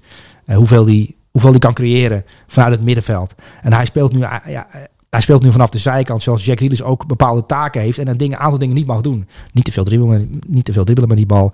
Voor zorgen dat er ruimte is voor Haaland. Weet dat soort zaken allemaal. Ja. Ehm, en dat zie je bij veel Foden nooit. En ik denk dat er komt natuurlijk een tijd dat, dat Guardiola geen trainer meer is van veel, veel, veel, veel Foden. En, en, en, en dan kan het twee kanten op gaan. Eh, dan kan veel Foden denken dat hij er al is en eh, dan komt hij helemaal niet meer trainen. Of eh, het gaat richting spectaculair en hij krijgt inderdaad rugnummer, rugnummer 10 en mag van een trainer doen waar hij goed in is. Dat is creëren. Want het is wel... Ja, het is, Wat verwacht jij? Welke kant het op gaat? nou, ik, hoop, ik hoop wel dat we een seizoen gaan meemaken dat veel Foden echt zichzelf mag zijn. Want het is wel echt een fenomenale voetballer. Dat zie je toch wel in ook dat de goal die maakt. Ja. eh, die, die was echt wel fenomenaal. Het was Gascoigne-achtige allure. Hè? Dat, is, dat, is, dat is ongrijpbare magie als je dat ziet eh, gebeuren. Veel Foden. Ehm, ja, ik vind hem een beetje een Gascoigne-achtige voetballer. Dat je, dit- hij kan dingen, hij kan ook zo'n balletje over een eh, schot heen leggen en dan af, afronden. Ehm, alleen ja, dat kan hij nooit laten zien. Want ja, de, de- de- alles is afgestemd op, op het monster voorin. En dat is Haaland. Want de, de veldbezetting moet zo daar. Weet je, Guardiola heeft over het spel nagedacht. En voor Phil Foden een, een bepaalde taak. Ja. Dus eigenlijk, eh Phil Foden heeft van tevoren te ho- horen gekregen hoe de wedstrijd gaat verlopen. Waar hij moet gaan lopen en welke passes hij moet gaan geven. Ja, terwijl hij natuurlijk iemand is die, eh geeft mij de bal, maar dat komt wel, komt wel goed. Helemaal eens. Speler die vrijheid nodig heeft. Eh, zijn optreden tegen Bournemouth. Wat voor cijfer levert dat op? 9,5. 9, 9,5. Oké, we gaan naar de laatste aanvaller. Aan het begin eh, van de uitzending vroeg ik ook jou van... Nou, Messi heeft dan de FIFA Best Man Award eh, gewonnen. Maar de echte winnaar staat in jouw elftal. En is dat eh, Kylian Mbappé. Oh, dat was de, zo bedoel je de vraag. Ja. Eh, of Kylian Mbappé de beste voetballer ter wereld is. Ja, vind jij dat die trofee naar hem te had moeten gaan? Nee, want je moet de prijs meenemen. En de WK-finale, daarin is eigenlijk eh, is beslist natuurlijk wie die prijs ging. Je wist eigenlijk al na de WK-finale dat hij die FIFA Best Man Award ging krijgen, Messi. En dus ja, wie ben ik dan om over, daarover te discussiëren? En ik denk ook dat Ballon d'Or, het moet wel heel raar lopen, wil, wil Messi die niet krijgen. Maar als je op dit moment kijkt, dan is Mbappé toch de beste voetballer ter wereld? Ja, vind ik wel, ja. Ja, Mbappé is wel echt... ehm, nou ja, kijk... Die wedstrijd natuurlijk die ze afgelopen weekend speelden. eh, Marseille uit. Ehm, Neymar doet niet mee. En, en eh Galtier kan eindelijk eh, wat teruggetrokken spelen. Messi mag wandelen, lui zijn en zijn techniek gebruiken. En, en, en, en Mbappé die... ja, die, die ene goal waarbij hij vanaf links naar rechts trekt. Dwars door zo'n defensie heen. Heb je gezien wat voor snelheid er Ja, staat? opge- Dat is niet normaal. Ja, het is daar net alsof jij een 100 meter sprint zit te bekijken. Ehm, maar halverwege die 100 meter sprint gooit iemand een bal eh, dat- het, het stadion in. En dat, het, dat er één, één sprinter die heeft wat door en die, en die, die verandert van richting. En daar gaat hij. Weet je waar ik aan moest denken, Solly? Als je die, die, die snelheid hè, waarmee hij Ja. de diepte in gaat. Ja. Je timing als paser moet zo perfect zijn. Ja, dat gaat ja. op zo'n ongelofelijke snelheid. Ja, dat, is, dat is waarom ik, het moeite mee heb om te zeggen dat Mbappé beter is dan Messi. Want die paas, hoeveel middenvelders geven die paas Te laat. Ja, dan is hij buitenspel. Heel veel. Ja. Maar laten we vooropstellen, kijk, ik ben een enorme Messi-liefhebber. Ik bedoel, Ja. Ik vind het mooiste om naar te kijken. Alleen wat, wat Mbappé nu laat zien, ja. ja, dat, dat, dat is krankzinnig. Ja, dat is ook wat de trainer van eh, Marseille na afloop eh, natuurlijk op de persconferentie vertelde. Van ja, we hadden het redelijk oké staan, maar ja, het is, er speelt daar een buitenaars monster op. Eh, ja, en, en ik had ook medelijden met de nummer drie van Marseille. Jeetje, Mina, die, die, die, het is een atleet hè, nummer drie van Marseille. Gewoon een atleet. Die komt thuis. Wat moet je zeggen? Ik heb buitenaars leven gezien. Hij was zo ongelooflijk snel. En dat is ook wat die Poolse verdediger zei, hè, eh, eh, die in Engeland voetbalt. Ehm, die zei van ja, ik heb, ik heb veel wedstrijden gevoetbald, weet je wel, 200 wedstrijden gevoetbald eh, in de Premier League elke week. Maar ja, er kwam nu iets op me af. Ja, dat ging zo ongelooflijk snel. En dat vond ik ook bij de derde goal. Kijk, het, balletje van Messi, dat er overheen is natuurlijk mooi. Ehm, en Oh, op maat. Oh. Maar de, Messi is kennelijk in staat om de snelheid van Mbappé te berekenen. Snel. Ja, dat is ook wis- wis- op hoog niveau wiskunde. Eigenlijk moet je daar eens voor de gein een wiskundige op loslaten. Hoe, hoe, wat je dan moet uitrekenen. Ik bedenk een Beautiful Mind met al die formules. Ja. Dat Ja, Messi maar in dat het veld staat en alle formules gaan om Ja. heen. En ineens, pats, is het op. Nou, maar de snelheid van Mbappé bij, ook bij, want bij, die, bij die ene goal, dat hij natuurlijk dwars door, dat hij van links naar rechts gaat, zie je inderdaad die snelheid. En als je dan die camera van boven hebt, dan zie je hem inderdaad. En waanzinnig. Ehm, maar bij die goal dat hij natuurlijk ehm, ja, die bal binnenvoorliet eigenlijk, zoals in de WK-finale, wat ook gebeurde. Maar dan met zijn rechter en nu met zijn ja, linker. ja, klopt. Ehm, ehm, dus hij geeft hem af op Messi en dan vertrekt hij. Maar hij vertrekt niet ehm, half. Hè. Het is wel echt eh, dat je denkt van oké, hij vertrekt om de 100 meter sprint op Olympische Spelen te winnen. Zo, zo vertrekt Ja, hij. ja, zeker. En kennelijk heeft hij dan het vertrouwen dat Messi die bal geeft. En ja, dat zou ik ook hebben, want ze trainen met elkaar en Messi geeft die bal altijd. En die heeft, die heeft altijd een antwoord als hij de bal heeft. Ehm, zeker als er ruimte ligt achter een defensie. Ehm, maar de snelheid van uitvoering bij Mbappé is wel echt eh, in combinatie met, eh, met de scorend vermogen. Ik bedoel, Kingsley Coman is ook snel. Eh, maar bij Mbappé is het zodanig afgestemd dat het is snelheid en doelpunten. En eh Erling Haaland zei na afloop van de Best Man verkiezing iets over... eh, nee, een paar, een pa- een paar dagen eerder geloof ik al, over, over Kylian Mbappé. Die vroeg hoe oud is Mbappé eigenlijk? Oh, hij is pas twee jaar ouder dan ik. En dat hij zo'n gezicht terug van, ja, dat is echt ongelooflijk. En, eh, ja, en het is nu Haaland Mbappé, hè, dat is natuurlijk de strijd. Ja. Maar eigenlijk is het geen strijd, hè? Nee, volgens nog niet. Nee. En we hebben het natuurlijk nu over Ronaldo, die er natuurlijk aan doelpunt aan toevoegen is. En die wil naar de 900 toe. Messi heeft zijn 700ste gemaakt. Eh Mbappé is nu sinds Ja, ex-Interlands dan nog, hè? 700ste clubgoal. Ja, precies. Ja, precies. Eh, Ex-Interland. Ja. Kijk, eh, Mbappé is ook op weg naar... eh, die heeft nu 200 gemaakt voor, eh, voor Paris Saint-Germain. Die is nu topscorer, nu all-time topscorer van Paris Saint-Germain. Heeft Cavani bijgehaald. Had natuurlijk Zlatan Ibrahimovic al bijgehaald. Ehm, dat, dat blijft ook maar optellen, die doelpunten. Dat zijn ongeveer 50 per jaar. Ehm, ja, dat kun je dan een keer kun je een aantal seizoenen doen. Hij speelt nog een seizoen of eh, tien. Zit nu al boven de 200. Ja, reken maar uit. Je, je komt op een aantal uit. Dat is duizendwekkend. Ehm en de vraag is, hoe lang kan Mbappé dit, die mentaliteit van oké, we hebben verloren, we zijn uitgeschakeld door Marseille in de beker. Ehm, Nu bedoel je echt de mentaliteit van Ronaldo en Messi. Dus jarenlang op het podium blijven dit, staan. Dit, dit maar, eh, je moet het ook maar willen, dit. Eh, die druk die, die met zich meekomt. Je bent de best betaalde speler ter wereld. En eh, Mbappé, dat is jouw project. Ze kijken naar jou. En, en Neymar is gebaseerd. Nou, en, Mbappé, laat het maar zien. Er is natuurlijk veel, op de achtergrond ook veel gebeurd. Hè? Ik bedoel, Ja. Mbappé die na een nederlaag tegen Marseille zegt van... het is, het is zaak dat we met z'n allen goed gaan eten en drinken, niet drinken. We gaan gaan slapen. En dat we volgende keer gaan reageren. Dus hij reageert eigenlijk op een vrij normale manier. Alleen ja, er is er eentje die denkt van ja, ik ga naar de Mac. De groeten. Klopt. Maar goed, als je naar de wedstrijd tegen die- Marseille kijkt, dan is toch de enige oplossing Nou, door maar stel je voor dat wij met z'n drieën hier, en de- inclusief de man die schakelt, de regisseur hier, dat we met z'n drieën concluderen van ja, minder uitzending gehad. Eh, volgende week eh, wel eh, goed slapen. En dat er dan een eentje begint te lachen en jou belachelijk maakt. Jij voelt je kloten daardoor. En, en die, die spanning die er tussen die drie heerst. En, en tussen Mba- Mbappé en Messi is die spanning niet, hè? want die, die, die, die zijn verliefd op elkaar, hè? we kunnen zien. Ja, dat zag ik wel, ja. Dus echt wel, eh, die hebben echt respect voor elkaars kwaliteiten. Want Mbappé en Messi, die connectie, is wel echt magisch.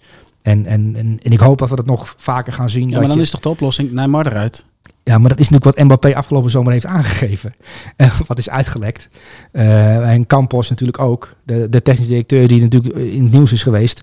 En die een akkefietje heeft gehad met Neymar op het veld. Waarbij Neymar gezegd heeft, ik neem jou niet serieus. eh, Waar heb jij nou gevoetbald? Ja, maar eigenlijk Maar het heeft allemaal te maken met dat Mbappé het Mbappé weet waar het aan ligt. Het, het ligt namelijk aan één iemand die toch veel ballen opeist. Ja, maar het allerbelangrijkste is dat Messi dus. Je ziet de, die, de connectie tussen Messi en Mbappé. Je ziet ook Ja. de spelvreugde tussen die twee. Je zou bijna zeggen van ja, oké, je, je, je komt uit een huwelijk. Eh, Messi en Neymar zijn getrouwd. Op een gegeven moet je gewoon de scheidingspapieren eh, tekenen. Dan moet je zeggen, voor nog beter huwelijk Ja, gaan. dat heeft ook met, met getalletjes.